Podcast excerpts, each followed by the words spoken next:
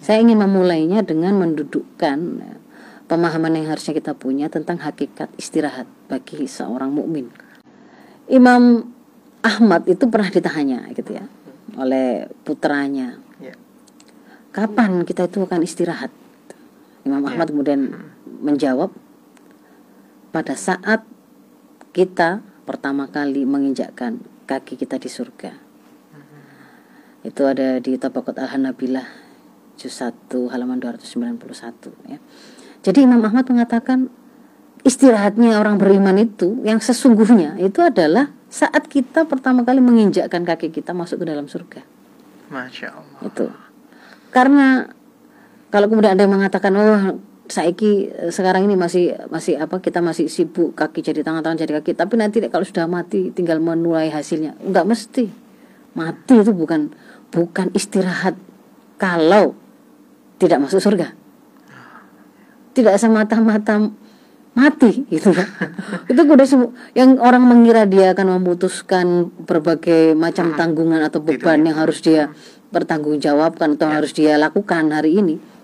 Tapi kalau kemudian meninggalnya kita atau matinya kita itu tidak membawa kita masuk kepada surga Allah itu tidak akan jadi istirahat kalau misalkan malah itu akan naudzubillah min dzalik malah menjatuhkan seseorang itu di nerakanya Allah Ya. itu malah akan menjadi sebuah situasi yang tidak ada istirahatnya. Selama-lamanya tidak ada istirahatnya dalam keadaan apa penuh ketakutan penuh ke kesakitan ya penuh penderitaan. Ya tidak berhenti malah tidak ada istirahat plus di situ. Kan begitu kalau capek-capek di dunia ini Masih ada eh, istirahat. masih ada istirahat ada kesempatan untuk kemudian kita eh, memperbaikinya gitu kan ya. Kita capek dalam kebaikan kalau ada nasihat itu kan begini. Kalau kita lelah melakukan sesuatu lihat. Kalau lelah kita itu dalam melakukan kebaikan maka nasihatnya adalah tetaplah bertahan melakukan kebaikan itu tapi hiburlah dirimu. Hiburlah dirimu segarkan dirimu karena kebaikan itu akan tetap bersamamu dan lelahnya akan hilang.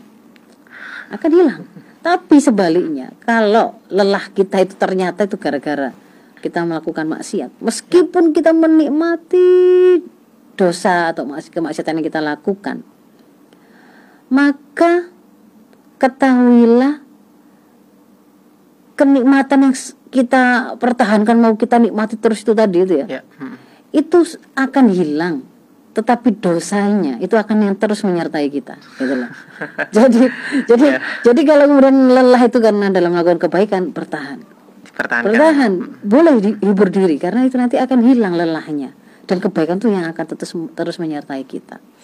Di dalam sebuah apa hadis riwayat Bukhari Muslim tentang kapan orang beriman beristirahat itu ya di situ eh, Imam Bukhari Muslim meriwayatkan satu hadis yang berbunyi demikian artinya artinya supaya lebih cepat ya. Hamba yang beriman itu jika meninggal maka dia beristirahat dari kelelahan dan siksaan hidup di dunia menuju rahmat Allah. Sedang hamba yang pendosa, orang yang suka maksiat, fajir, hamba-hamba yang lain, negeri yang dia tempati berikut pepohonan dan hewan ternak akan beristirahat dari keburukannya. Jadi justru kalau orang itu orang rusak gitu ya, matinya dia itu membuat orang-orang lain, hewan-hewan, alam itu malah istirahat dari kejahatan dia. Ya, tapi kalau bagi orang beriman, meninggalnya dia itu itu akan menjadi istirahat dia yang sesungguhnya, asalkan kemudian itu mengatakan kepada surga, gitu ya.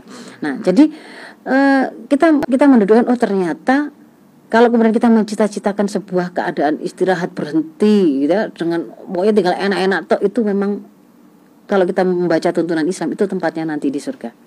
Ya. Sementara kalau kemudian di dunia ini bagaimana kita harusnya menjalani kehidupan ini, maka memang kita mendapati tuntunan itu seorang mukmin itu harus produktif memang, harus produktif, harus banyak mengisi eh, kehidupannya itu dengan amal-amal kebaikan, dengan eh, Ibadah. eh, dengan proyek-proyek yang itu produktif ya, yang bermanfaat kan gitu kan. Ya sering kan di- disampaikan bahwa yang paling baik di antara kalian itu yang paling bermanfaat untuk orang lain.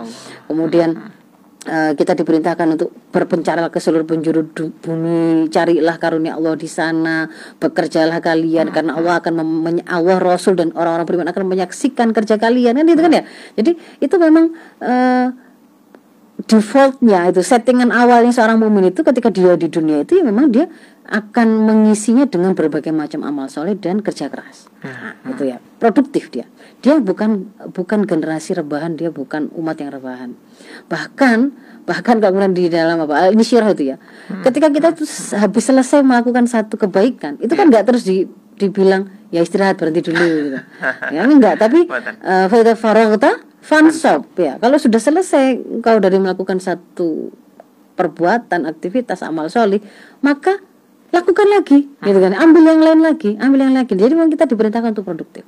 Nah, tapi pada saat yang sama kita juga mendapatkan sebuah sebuah apa namanya pengkabaran bahwa e, di dalam kehidupan dunia ini Allah itu telah menciptakan hmm. sunnatullahnya fitrahnya manusia itu memang pasti butuh istirahat ya. kenapa itulah kenapa kemudian Allah menciptakan ada siang ada malam hmm. ada Allah mengkabarkan pada kita siang itu dijadikannya uh, agar kita itu kemudian bekerja. bekerja di sana dan malam itu menjadi istirahat kita. Bagaimana kemudian Allah menjadikan tidur kita itu menjadi menjadi sesuatu yang akan memulihkan kita, kan gitu kan ya.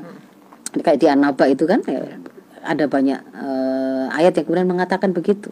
Nah, di di situ berarti kita kemudian bisa mendudukkan kalau kita gabungkan semua penjelasan dan tuntunan Islam tadi istirahat hakiki yang sesungguhnya yang senang-senang sesungguhnya itu ya nanti kalau di surga.